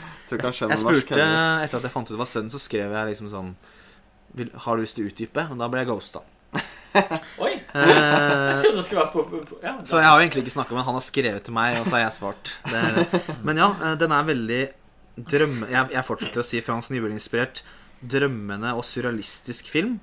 Eh, foregår i Senegal om to mennesker, en mann og en dame, som er veldig sånn Ja, som du sa med Type High Story, retningsløse. Alt de drømmer om, er å dra til Paris. Og de, eh, det er veldig sånn breathless. Til og med det er jo litt Ja, breathless-aktig. De ligger og prater på stranda, de er oppe i fjellet og går, de kjører motorsykkel rundt i byen. Og liksom de har ikke så mye jobb, de bare Det er veldig sånn Mm. Det er ikke en film som på en måte skal ta fram liksom politiske implikasjoner eller sosiale og økonomiske. De ligger jo i bakgrunnen, liksom. Men det er mye mer det derre livet deres fra dag til dag, og at de liksom Og noen sånne bitte små drypp av sånn magisk realisme. At de liksom, det skjer ting som Oi, skjedde egentlig det? Eller tror Er det noe de drømmer seg bort? Eller Så det var veldig Det ser veldig kult ut. Ja, altså, han, han karen, da, det er en fyr, han kjører inn på en motorsykkel med svære horn foran på sykkelen. Og bakpå så har han et sånn rart, høyt kors som ser ut som det er fra en sånn merkelig kirke. Så han mm. kjører liksom rundt på den og er veldig sånn snåling. da Folk kommenterer på Jeg henger med han raringen der, liksom. Mm. Og ja trenger ikke å snakke så lenge om den, men det er liksom i starten det er liksom Jeg reagerte på at det er liksom veldig lite som skjer. Liksom, vi klipper oss inn i eh, sånn eh, På savannen omtrent. Vi ser noen gnuer som kommer, og noen sånne bønder som driver og liksom jobber med dem. Det er ikke akkurat Paris sånn. Og så er vi liksom veldig lenge der. Sånn, det er nesten som en dokumentar. Liksom Kameraet bare er der. Går litt nærmere denne gutten som er sånn bonde. Enda litt nærmere. Så klipper vi til en hovedvei. Så inn til byen. Litt nærmere byen. Marked. Så går den sånn gradvis inn. Mm. Og så kommer vi til slutt til disse karakterene. Så tar det lang tid før de begynner å snakke. Og vi ser noen andre karakterer først som står på markedet og bare prater. Vi kamera går forbi. Og det var liksom Ja, det var veldig sånn Yes. og så kommer disse merkelige sånne Hva heter det? Innklipp, eller hva jeg skal si. Sånn der, plutselig kommer det et sånt merkelig surrealistisk bilde midt inni der. Plutselig kommer det en scene som Oi, hva er det som skjer her? Det, og så ser du liksom ti minutter senere i filmen, så skjer den scenen. Den kommer liksom før det skal, og sånn kaotisk klipping, men på en veldig sånn interessant måte. Og kryssklipp med at en av hovedrollene i, i starten av filmen blir liksom ja, Jeg skal ikke si banka opp, men liksom plaga, dytta litt og slått. Samtidig som det kryssklippes til et slakteri og en ku som blir dælja Mm. løs på. Så filmen, filmen, er, filmen er veldig sånn filmatisk leken. Og den er kan man nesten gi en sånn liten warning på det generelt, for det er veldig drøy slakting i filmen. Og det var det mange kommentarer på nettet om at Mm. hvis du er ikke vegg i vegg, så blir du det. Og det var ganske så drøyt. eh, Men eh, ja, det, hvis man tåler det, så tåler man det. Hvis ikke, så får man skru av. Men det, ja, det er egentlig det jeg har litt lyst til å si om den. Men det anbefales veldig. Og jeg tenkte jeg var smart hvis jeg nevnte den. Følte jeg Ja, virka ja. smart. Det høres jo veldig spennende ut. da Jeg, Ja. jeg fikk lyst til å se den. Absolutt. Anbefales. Det fins på Criterion. Og approved by Martin Scorsese har selvfølgelig vært med å restaurere denne filmen. da Så gøy. Nice. Jeg har faktisk kjøpt en annen film av han på Criterion Nei, på platekompaniet også. Vet du om det er den mest kjente han har, eller? Det er i hvert fall en av de to mest kjente. Okay. okay. ok. Toki Boki fra 1973. Ja. Kule titler. Mm. Ja. Det var noe sånn The Journey of the Hyena, tror jeg, på engelsk eller noe sånt. Men eh, Ja. ja, Nice. bruker en andre morsomme tittel. Spennende. etter episoden. Vi kjører og går, som vi sier. Da skal jeg ha en fyr vi har snakket om på podkasten tidligere. Akira Kurosawa. Og jeg har da valgt High and Low fra 1963. Mm. Og det er da en slags eh, ja, crime-thriller satt i samtiden, da, satt i 60-tallet. Så det er ikke noe samurai-epos denne gangen, som han nok er mest kjent for. Det handler da om en eh, forretningsmann som selger skomerker, spilt av eh, Kurosawa-kjenningen Mifune. Og han har en ganske sånn hard ideologi rundt businessen og er ganske streng på disse tingene her, så det skjer jo da at han skaffer seg en del uvenner i bransjen ganske tidlig i filmen. Og så har jeg ikke lyst til å røpe hvem det skjer med, for det er en liten spoiler, men det ender altså med å bli en bortføring, eller en slags kidnapping, da, av noen han kjenner, som gjør at han da blir blackmailet for flere millioner igjen. Og han leier da inn en del detektiver, hvor da Tatsuya Nakadai, som blant annet Mm. er fra Ran og Harakiri, han er en av agentene der, da. Og det er da kanskje spesielt første halvdel av filmen som er mest kjent. Den er litt sånn Hitchcockske mysteriet som da befinner seg i et stort rom i en leilighet. Og jeg vet egentlig ikke hva det norske ordet er, men det er jo det som heter docking på engelsk. Altså hvordan folk plasseres og beveger seg i et statisk kamerabilde. da At du ikke liksom har føringer, men veldig mye fokus. Det kommer vel fra teater opprinnelig. Rommets topografi. Ja, kan si var fin. Og jeg syns det er utrolig fint orkestrert. da Hvordan folk liksom én etter én i et bilde gjør noe, slik at vi hele tiden på en måte skifter fokus. da Og hvordan karakterer lener seg for eksempel mot noe, som da blir focal point til scenen. Fra liksom alle mulige vinkler. Og for eksempel, Det er en scene hvor to liksom ikke klarer å snakke sammen, og da sitter de liksom langt fra hverandre i en scene og skaper på en måte et sånt tomrom der òg, da. Så det er veldig mye sånn spennende som bare rett og slett må oppleves. Det er jo vanskelig å måtte forklare det med ord. Man må liksom se det selv. Mm. Men veldig sånn mye spenning rundt bare liksom det at de er i dette rommet, og alt liksom den tensionen som kommer da fra denne blackmailingen og blir ringt opp flere ganger og liksom alltid ha nye ting og avlyttinger og mye sånne ting, da. Og så etter hvert så blir det jo mye spenning og twist and turns og sånn i andre halvdel, da. Så, og veldig bra slutt, kan jeg si. Den var veldig bra. Så den kan anbefales. En skandale å ikke ha sett den, egentlig. Ja, det er litt flaut. Jeg har hørt så mye bra om den, egentlig. Så jeg så så mye Kurosawa før, men jeg har liksom stoppa litt opp. Og den er jo veldig ganske lang også, så jeg har bare aldri fått prioritert den. Veldig annerledes egentlig enn noe han har gjort, egentlig. Som, ja, Den er veldig god til å plassere kamera og sette karakteren inn, så det høres veldig lovende ut. Ja. Mm. Sånn er det, den høres nesten ut som det er sånn klam noir, med telefon som ringer, og det er stressa og Mm. Veldig mye inne i et rom i starten, og så etter hvert så blir det mer sånn spenning og hvordan man skal ta disse her, og masse agenter, og da drar man ned i byen, og det blir flere statister, og mer livlig og sånn, da. Mm. Så den har på en måte sånn to deler, som Og jeg likte egentlig begge veldig godt. Ja, jeg nesten, eller jeg tror jeg bare har sett samuraifilmer av Kurosawa. Ja. Har du sett Ikkerud? Han som får kreft? Nei. Ja, den er også ja, litt Den har jeg sett, men det er Mm. mange år siden. Men det er også noe på noe helt annet, egentlig. Ja. Mm. Nei, så det var eh, Ja, kanskje skal, den. Det skal jeg nå se. mm. Det skal jeg prøve å få sett eh, i år. Så må forte meg litt. Ja, Da kan vi kjøre videre til eh, Per sin eh, andre film. Ja, det blir også en film som har kommet i våres eller sommer. Eh, tror jeg må krangle, krangle litt med Tommy Jeg vet igjen. jo at eh, lytteren er på min side. Det bare synd at ikke Pål har sett det, så han skjønner hvor feil Per tar. Her er, her er litt sånn motsatt utgangspunkt. At jeg bare hadde hørt dritt om en, og så ble jeg positivt overraska. Ja, så egentlig motsatt. Ja. Ja. Kanskje det er bedre, egentlig. For da blir man mer eh, sånn Ja. Når man hører at den er for bra, så blir det sånn «Ja, ja, da blir man veldig kritisk. Kommer med pekefingeren. Filmen er altså The Tomorrow War av Chris Mackay. Ja. Tommy liker den godt. Nei, derfor du får gi meg litt fygge på, så skal jeg prøve å svare. Ja, jeg har skrevet kort oppsummering av plottet her. At uh, det handler om en Eller handlingen foregår i en nær fremtid. Jeg tror det var sånn rundt 30 år frem. Jeg har fortrengt det meste, men det er vel eh, Ja, der hvert fall. 2040 et eller annet. Jeg. Og jorda har blitt angrepet av romvesener. Og menneskene holder da på å tape krigen mot disse. Og som løsning så reiser militæret tilbake til nåtid for å hente ekstra soldater. Og vår helt Chris Platt er utvalgt til å lede et team pga. sin bakgrunn i militæret, da. Mm. Sjelden sett en så ukarismatisk action. Nei, nei. Helt sjukt, faktisk. Herregud. Ja, det er helt vilt. Ja.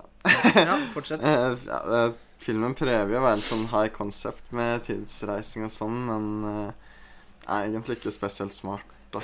Manuset er til tider ganske langt ute å kjøre, men ja, Jeg skal ikke late som at dette er en storfilm, Du får Men- litt lyst når jeg er sånn. Som jeg. men uh, den har elementer fra blockbustere fra sånn 20 år tilbake som jeg setter veldig pris på. da.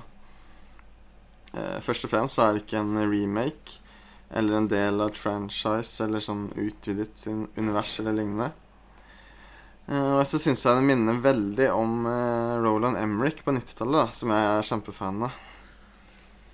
Eh, og jeg syns Pratt har, skal ha litt av æren for det. Med sin Med sin, med sin, med sin Noen ganger så føler jeg at liksom Det er, at det er en sånn Sånn der, jeg vet for noe sånn eh, prank som foregår i mange år. Skal sjekke hvor mye rart du skal si. liksom Ja, jeg syns han har mye av liksom sjarmen fra den perioden. da Sånn Average Joe og familiefar. Jeg Som har sikkert likt nesten var fra 95 og hadde van Damme i hovedrollen. på en måte Men det bare funker ikke med Jeg den der hype digitale hyperdigitale filmen der. altså Selvfølgelig er den litt Jeg har et par positive ting å si, men jeg kan vente litt til du har tatt litt mer. Ja. Jeg synes liksom Han overspiller på en god måte, da. Han kan både være jo, jovial, tårevåt og ekstremt dramatisk. Ja. Oi. Høres lovende ut.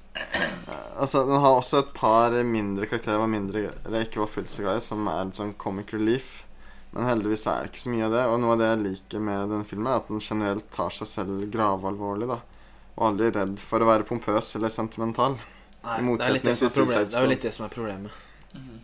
Jeg setter jo pris på at den er så ikke dramatisk når, det er, som den er. ikke når det er dumt, rett og slett. da Når de skal ha tak i en hvit Nå bare hopper jeg rett til en ting mot slutten. Når de skal ha tak i en forsker på vulkaner eller hva det er de kan, de, kan, de kan snakke med hvilken som helst forsker i verden. Drar de til et klasserom og snakker med en liten tiåring fordi at han sa tidlig i filmen at sånn her I like volcanoes. Sitter Per der, sitter per der bare Å, dette er så dramatisk, og det er Å, herregud. Ja, det var, det var den eneste, Spar meg. eneste vulkaneksperten han kjente. da. Vulkanekspert. Det blir bra. Og så har faktisk filmen en twist som jeg ikke så komme. Og et dramatisk øyeblikk som var litt rørende. Nei, da lo jeg hvor dårlig det var. Jeg syns det var litt, litt vondt å se på, faktisk. Det var Nei, ganske, trist. ganske sårt. Men husk at han her gråter av Alien 4. Da. Ja, den er fæl, da. Ja, det sier litt, altså. Er rar, rar fyr. Jeg syns kameraarbeidet er godt, uten å være flashy. Mye lange tagninger, men det er egentlig blitt ganske normalt nå, syns jeg. Det er kanskje pga. hjelp av CGI, men så er det noen ganske store, bra set pieces som bl.a. refererer til Terminator. Så er det produksjonsdesign som minner litt om både Alien og The Thing. Ja, Tommy? Thing? er på slutten, Ja. tenker du? Ja. Ja, Utrolig tullete scene. filmen var altfor lang også. Nei. Syns du ikke det? Nei, altså effektene 2,50 eller noe? Nei, Nei, for det gir deg, altså. i hvert fall 2,30. Nei, for 20, da. Ja, kanskje 20, da. Ja. Maks. Time for lang. Synes effektene er helt på jevnlige, og Ja, Det er noe av det jeg syns var ordentlig bra. da det, Ja. faktisk, Ikke for å avbryte hele tida, men effektene på disse monstrene. Når du ser de første gang i trappa der, det syns jeg var bra. Jeg syns monsterdesignene er kule nok, uten Ja. at de kanskje er så veldig Faktisk minneverdige. Så er De de måten de oppfører seg på, derimot er ganske så klisjé. Ja. Det er liksom sånn Kunne ikke komme noe litt morsommere der. Men jeg tror kanskje noe av det jeg liker, at det er klisjeer fra 90-tallet. Ikke klisjeer fra Ja. i dag, og jeg liker de bedre Du har, enn du er dagens. du, du har jo stuck i 1999, liksom. Det er ikke så rart. Ja. Uh, avslutningsvis så vil jeg nevne lydsporet av uh, en som heter Lorne Balf. Som jeg mener at er årets soleklart beste soundtrack. da Wow, ok. det er, Han jobbet under uh, Simmer på The Dark Knight. Og det kommer veldig tydelig frem her, da. For musikken minner om en blanding av nevnte Batman-filmer og The Rock. Oi. Blytungt med Tror e... du blir skuffa hvis du ser den? nei, vi skal høre på litt soundtrack etter innspilling. Ja, det kan vi godt gjøre. Jeg tenkte mer på filmen. Jeg tror Pål får litt høye forventninger her. Ja, det er i hvert fall blytungt soundtrack. Og Ja, det har jeg ikke hørt. veldig episk med dundrende trommer. Og det høres ut som en Nolan-film, rett og slett. Ja. Ser ikke ut som en. Ser ikke ut som en Ja, ser ikke ut som senere. Ja, så det var det. Jeg syns den var uh, veldig underholdende, rett og Da har man jo begge sidene nå, da. Så kan Ja, men... lytterne selv bestemme hvem man er enig med. Jeg tror, litt, jeg tror det er bestemt, egentlig. Men uh, nei, det jeg likte, var monstrene. Og så syns jeg den, en av scenene hvor de hopper liksom ned i det der bassenggreiene på Ja. skyskraperen, syns jeg var veldig kult. Men, Men histo- Godzilla, faktisk. Den, Men eh, historien, og så slutten i det, det Thing-landskapet, og liksom Egentlig bare Ja. Jeg setter jo pris på at det er en original idé, men det er så langt unna på en måte For eksempel hvis dette var gjort av Cameron for 30 år siden, da. Ja. For å si det sånn. Ja, derfor jeg takker for Emerick og ikke Cameron. Ja, det er Han roter jo litt mer Ja. og litt mer Ja, og sånn. og du liker jo liksom dårlige ting. Nei, men sånn- Slem ting å si, altså. Jeg mener sånn Du setter jo, ja, du setter jo litt pris på pompøs 90-talls Emrik, som du sier, og det er jo på en måte det mange kaller trash liksom film, da. Ja, Så ja, det er jo litt det jeg mener, da. Jeg mener ikke å ta dårlig smak. Ja, jeg skjønner, jeg skjønner det. Nei, men eh, du, ikke, du elska den ikke så mye at vi ble fiender, Nei, nei, nei. men uh... Bare en positiv overraskelse. Litt sånn flashback.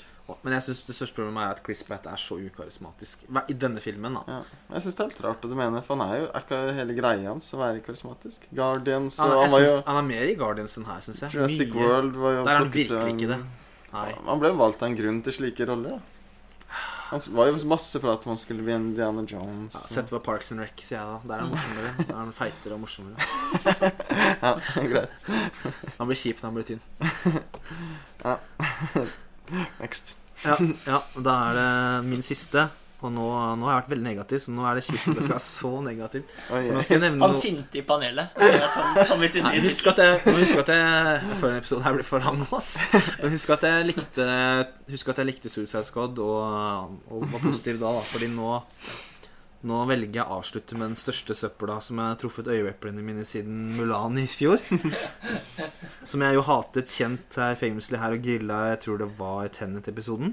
Du grilla den i flere, tror jeg. Det var sånn der, tok fram barbecue-grillen hver eh, annenhver episode. Det var en, en grillsommer Ja. uten like. Ja. Nei, for det, det Ja, den filmen jeg så i sommer, som er på en måte ja, det, er, jo egentlig ikke noe hyggelig å snakke så mye stygt, om, men uh, Space Jam A New Legacy, som jeg har sett, får Mulan til å fremstå som en av de vakreste ha en av de vakreste longtakes fra Tree of Life, eller de mest poetiske skildringene fra Call Me By Name, eller Apu-trilogien. det er litt Det er liksom mye verre. Jeg har sjelden sett noe så sjelløst dumt. Et tomt skall av en algoritme av en film som, med endeløs reklame for Warner Brothers. Noe så an idiotisk antifilmatisk ræl. Eh, ok, jeg, jeg jazzer kanskje litt ekstra nå, men det, det, det, det her er altså Og så når jeg sier reklameaktig, det er egentlig hele poenget med filmen nå. Fordi den handler rett og slett da om Det er en oppfølger til Space Jam, filmen vi likte godt i barndommen, og som jeg så og som jeg så på nytt nå samme dag, Mhm. og som jeg syns var mye bedre enn denne her.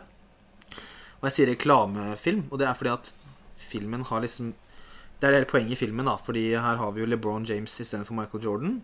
Eh, men eh, Warner Bros. eksisterer i filmen som et eh, selskap, sånn som de gjør på ekte. Mm. Og de henter inn LeBron James fordi de har liksom matematisk regna ut med en algoritme at hvis han blir med dem og inn i filmene eh, de lager, så vil det bli bra filmer. De har liksom regna ut det. At hvis vi, og hvis Skikkelig smart metafilm. ja, Mm. eh, Kanskje jeg likte den? Ja. Har du bra premiss? Han syns det er en dårlig idé, så han vil ikke. Og da er det på en måte en personifisering av algoritmen som liksom blir vist som en fyr. Altså Don Cheadle spiller han. At det er en mann som står inne i liksom serveren. Han er liksom the algorithm, da. Ah. Og han stjeler da LeBron James inn i serververden. Og så kommer liksom Looney Tunes oppå der, og de skal spille basket for å komme ut av serververden.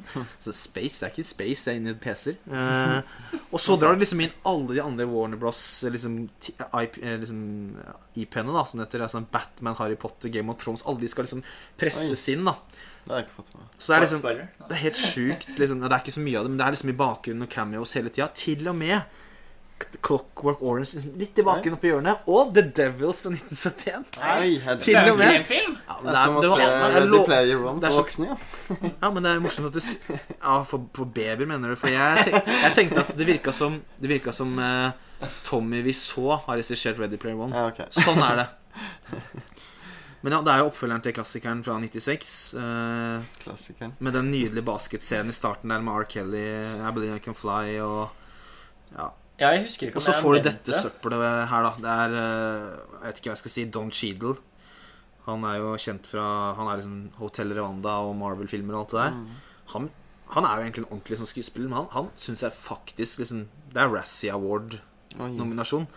Han blir sånn her monster på slutten. Han ser som sånn her han er, Jeg tror han er min nye sånn søvnparalysedemon. Han ser så fæl og stygg ut. Sånn, altså dårlig og fæl, da.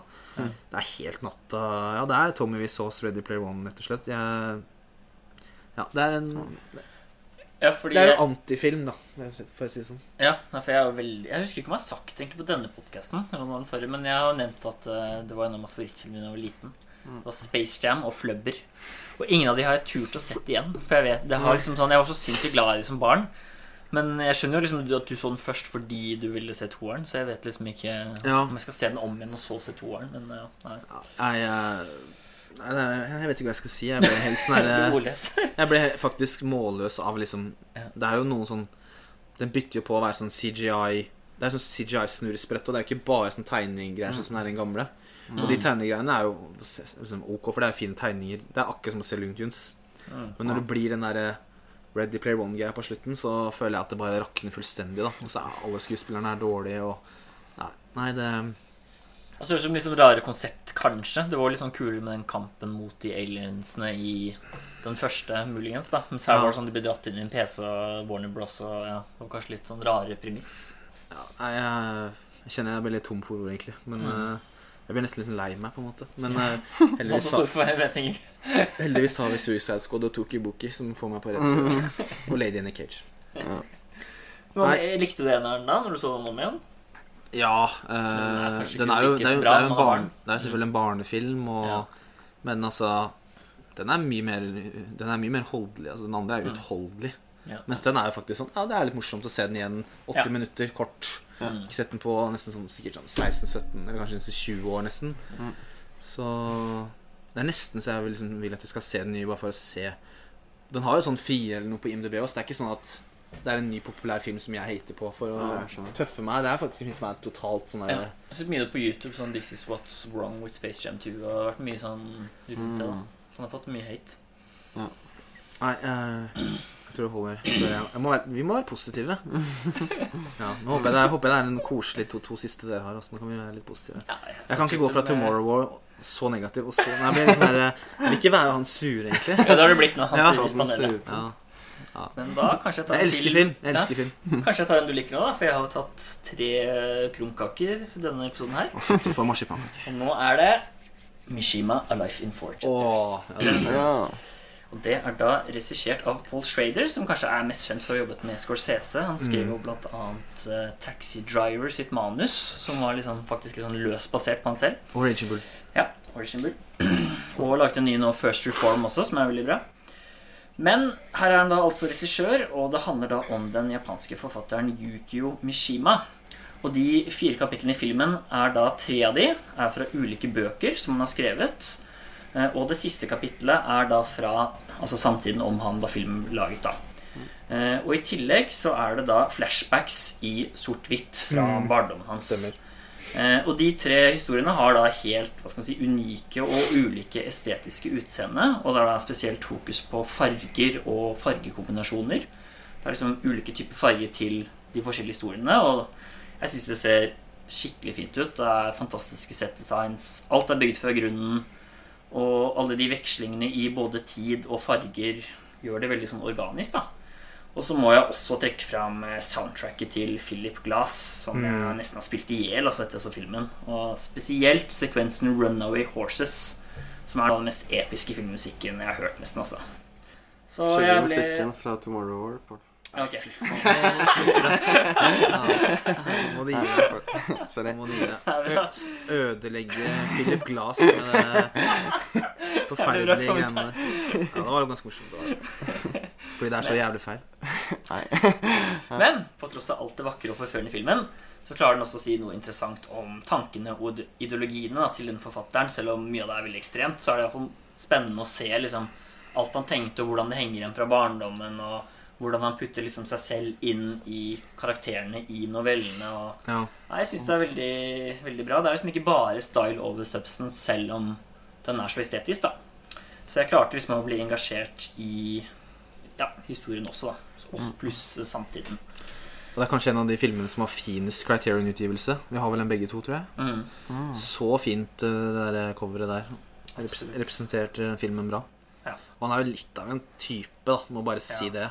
Det. Jeg Altså, vet ikke om vi skal røpe hva som Det er kanskje dumt, egentlig, for det kan være gøy å se den uten ja, kanskje. Det er jo, det er jo historie. Det er jo historie Jeg visste det, da, men Ja. uh, hvis man ikke vet det, så blir det spennende på slutten. Si Ja, sånn. ja, men da skal, jeg, da skal jeg droppe det. Får man heller søke opp Yuki Mishima hvis man vil lese om han. Ja. Han har mange knagger som ikke helt, uh, stemmer helt overens med Japan 1970, for å si det sånn. Ja, veldig Eller mye sånn sprikende ideologier med alt Ja. liksom hvordan han var, og seksualitet, og liksom styresett. Ja. Veldig mye politikk. Ja, alt det der. Eh, men så klarer han liksom å få liksom litt av hvert inn i de historiene, da, som i tillegg har liksom hver sin estetiske Veldig unikt. Altså, jeg vet at det er lett å si sånn Å, det er en unik, fin film, men altså, se på Ja, de bildene og unik. tablåene. Det er så utrolig spesifikt laget. Sånn veldig spesielle settdesign, som jeg sa. Ja. Og det gjør det veldig kult, syns jeg. Mm. Har du sett den, Per? Ja, jeg så den for under et år siden, tror jeg. Eller kanskje Ja. rundt et år siden. Så. Mm. Jeg vet ikke om jeg elsker den like mye, men jeg er veldig enig at den er unik og vakker. Og det, er, ja, en film man må sette pris på som filminteressert. Da, Det var en ting som alltid irriterte meg litt. Det er veldig sånn teit, men han ligner så lite på Mishima. Ja, det kan kan, ja. Hvis jeg har sett bildet av han, så er det liksom Det er så rart å velge en kar som ligner så lite. Jeg syns han spilte bra, da, men jeg tenkte kanskje mye på utseendet. Men sånn Spesielt på slutten av den talen, og da er det veldig episk, syns jeg. Mm. Når han klarer det. Den filmen liker jeg bare for å understreke det. Ja. Ikke vær så negativ. Nå har det blitt Negativ Nancy. Positiv i gjengen. nice. Men da har vi faktisk én film til før vi snurrer av denne sommerspesialen av en episode. Og det er Per. Jeg kunne jo trukket frem flere helt nye filmer, men eh, for ikke fremstå som helt noldes, så, Det er for sent. så har jeg sett litt gammelt òg. Senest i går, faktisk. Oi. Å, fytti. Redde Red- den- stumpen før innspilling? Ja, ikke De siste, de siste timene. Sitter og svetter før innspillingsdagen. Han skjønte at det var noe galt med den eh, Tomorrow-greia. Nei, men jeg ble faktisk veldig positivt overraska, da. Eh, mye bedre enn Jeg endte opp med å se en film jeg skulle like mye bedre enn jeg hadde trodd på forhånd. Ja. Bring it on. Det er eh, Der Heilige berg, eller The Holy Mountain fra 1926 av Arnold Funk. Ja. Det er da en stumfilm som ja, de fleste kjenner. En veldig enkel kjærlighetshistorie som utvikler seg til et trekantdrama på Alpene i Tyskland. Oi. Men det er ikke det som er så interessant, egentlig. Vel, for den uh, Det er det sjelden på den tiden. Veldig klisjéfull historie, egentlig. Samme med Murnau også. Det er liksom ikke kjærlighet Ja. er best på. Men uh, cinematographen Ah, si ikke det. Sunrise. Ja, det er sant. Ja, det er jo kjærlighetsfilm, beste kjærlighetsfilmen som fins. Ja, men det er ikke kjærlighet som er bra. Det er, det er jo det er, må ikke vi prate her, selv om jeg Men- etter. Men cinematographen er det som virkelig, virkelig er bra her. For det er kanskje en av de vakreste filmene jeg noen gang har sett. Å, fy. Hvert eneste bilde er sånn utrolig velkomponert. Oi. Og jeg vet at det er veldig vanlig å si, men her er faktisk hvert eneste bilde sånn at du kan pause og liksom okay. studere hvor karakterene er plassert. Og det var veldig flott. Og så nesten, nesten hele filmen er eh, skutt ute. Det er ikke så vanlig på den tida. Nei. I faktisk natur og ikke studio. Kult. Og så er veldig ofte karakterene skutt mot lyset, slik at det kun blir konturer med flotte landskap i bakgrunnen, da, disse alpene. Ja. Og så er det veldig mange lange sekvenser med naturbilder. Sånn rennende vann, blåsende grener, nærbilder av dryppende blader og slik. Er det annet å regne i serveren til Don Cheadle? Det er sånn man forbinder med Malik og Tarkovskij og sånn mye, mye senere, da. Ja, Ja. Det kan jeg ikke huske å ha sett noe av på Ikke så mye på 20-tallet. liksom. 20-tallet, nei. Man tar seg god tid til det. Plutselig er det litt flere minutter uten karakterer. Men Bare Bare sånn. minutter. Ja, Ganske filmen er lenge når de ganske ikke lang. snakker heller. Ja. Ja, det er ikke så mye dialog. så Er den lang, eller? Det er liksom litt viktig på Ja, storfilm. jeg kommer tilbake til den. Den er litt for lang, dessverre. Ok. Men eh, også en annen ting som er veldig interessant, Det er at den skifter format flere ganger. Oi. Noen ganger for å liksom bedre komposisjonen. At den vil ha smalere bilde eller stående, liggende. Og, Ja, fint. Og noen ganger så endrer utsnittet seg i løpet av en scene. Fra å være veldig lite med fokus på én person, til å utvide seg for å få med seg alt som skjer rundt, eller inkludere et annet menneske i scenen. da. Det er ikke jeg ofte det heller, ass. Selv i moderne film, egentlig. Nei, Det hadde jeg sett i fransk nybølge, men Ja. ikke på 20-tallet. Så det var Mm. veldig eh, morsomt. Shit. Og så er det store set pieces med liksom titalls mennesker og skjer masse på en gang. Og så er det sånn POV actionscener, faktisk. For i filmen så er det et skiløp. Og det er et veldig imponerende stunt av kameramannen som faktisk svinger seg nedover bratte bakker omringet av andre skiløpere. Det høres jo veldig Veldig imponerende. Den er ikke så kjent, men jeg vet at den filmen er gitt ut på sånn Eureka eller noe sånt. En av de der ikke, lignende Criterion-greiene. Ja. Så den har fått litt sånn restaurering og sånn. Det er ofte ikke sånne ting man tenker rundt i filmene. Det er eneste sånn, jeg kan tenke på kanskje er sånn Heksan, som også Ja. har mye sånn Ja. spennende ting og gjør ulike ting. Men Ja. dette her høres jo spennende ut. Og så er det noen kule effekter, som bruk av miniatyrer. Ja, det er ofte kult. Ja, og så er det sånn fast forward, jeg vet ikke hva man skal kalle det på norsk. jeg. Eh, Spoling. Ja, spole fremover Ja. kjapt for å vise natur i endring, som er litt Ah, morsomt. Og så er det masse sånn dobbel eksponering da, for surrealismescener. Mm. Som også ser Her veldig skal jeg notere Ja, det er eh, Det er noen negative ting med filmen. Bare nevne kjapt. Det er at filmen er for lang, som du nevnte. mm. Hvor lang? 1 time 45. Det er ikke så dreit, men samtidig stumfilm, da. Og som sagt, historien er så vanvittig enkel at den kunne blitt fortalt på nesten ti minutter. Såpass, ja. Og som nevnt, Men det er kanskje ikke fokuset, da, som Nei, du sa. Det er nesten en showcase for Ja. bare flekse naturbilder. Ja, for kamera, Mm. egentlig. Kameraarbeid. Og som nevnt så er hver eneste scene vanvittig fint, men de varer sjelden mer enn fem sekunder før de klippes. Og det er kjedelig, for jeg kunne ønske at Ah, den dvelte litt lenger på hvert bilde. Istedenfor å ha så ekstremt mange, da. Det er noe med liksom kvalitet over kvantitet. Ja. Og selv om det er veldig, alle er veldig flotte, så er det sånn som en ønsker å vise mer enn en trenger. da Mm. kunne tatt selv bedre tid sånn sett. Og til slutt, musikken var utrolig master, så jeg vil heller foreslå å sette på noe eget. Ja, det finnes jo sikkert flere Jeg vet ikke om jeg så riktig lyd, men det var skranglete og frustrerende å høre Sette på. på noe sønn, eller Ja, Du kan sikkert sette på noe klassisk som er Ja. Det har jo vært litt på Cinemateken, og jeg har faktisk sett noen av filmene at det er livekonsert på Ja, eh, piano, faktisk. Så det, Ja. det er jo noen av de ting som av og til kan funke å Ja. bytte ut musikk, da, hvis den liksom ikke passer så bra til filmen. ja. Jeg hadde bare sett noen stillbilder av den tilfeldig på internett og bare lasta den igjen. Og så, for den som sagt, den var ikke så kjent og dårlig Nei, jeg har rating. ikke hørt om den. 6,6 eller noe på IMDb og sånn. ja. Og så bare viste det seg å være en perle. Jeg har som sagt sett den bli gitt ut på sånn eh, restaurert, så har, har hørt tittelen og tenkt, tenkt at selvfølgelig er det samme tittel som Ja. Jodorowsky-filmen. Og så har jeg ikke tenkt så mye mer over det, for det er så mange andre stumfilmer som er mer anerkjent, som jeg ikke har sett. Så den har liksom aldri fått uh, prioritering. Sjelden man ser stumfilm også. Så. Ja, samme her. Mm. Yes, that's it. Har ikke så mye mer å fortelle om den. Nei, men det var masse. Det hørtes så Ja. veldig spennende ut. Vi har sikkert skravla altfor lenge nå uansett. Det hørtes ut som alle i hvert fall hadde noe man kunne bidra med. Ja, Man kan ikke bare klage. Så kanskje, det blir kanskje litt mye negativ, men eh, det er moro å rante litt òg. Ja. Må jo det. Nei, men da er vi tilbake. Vi er da altså Filmfeber. Dere kan finne oss på Instagram og følge oss der hvis dere vil det. Og så neste episode blir da Wim Wenders Paris, Texas. Så da kan dere se den til neste episode hvis dere ønsker det. Yes. Så det var det. Takk for at dere hørte på. Ha det bra. Ha det bra. Ha det.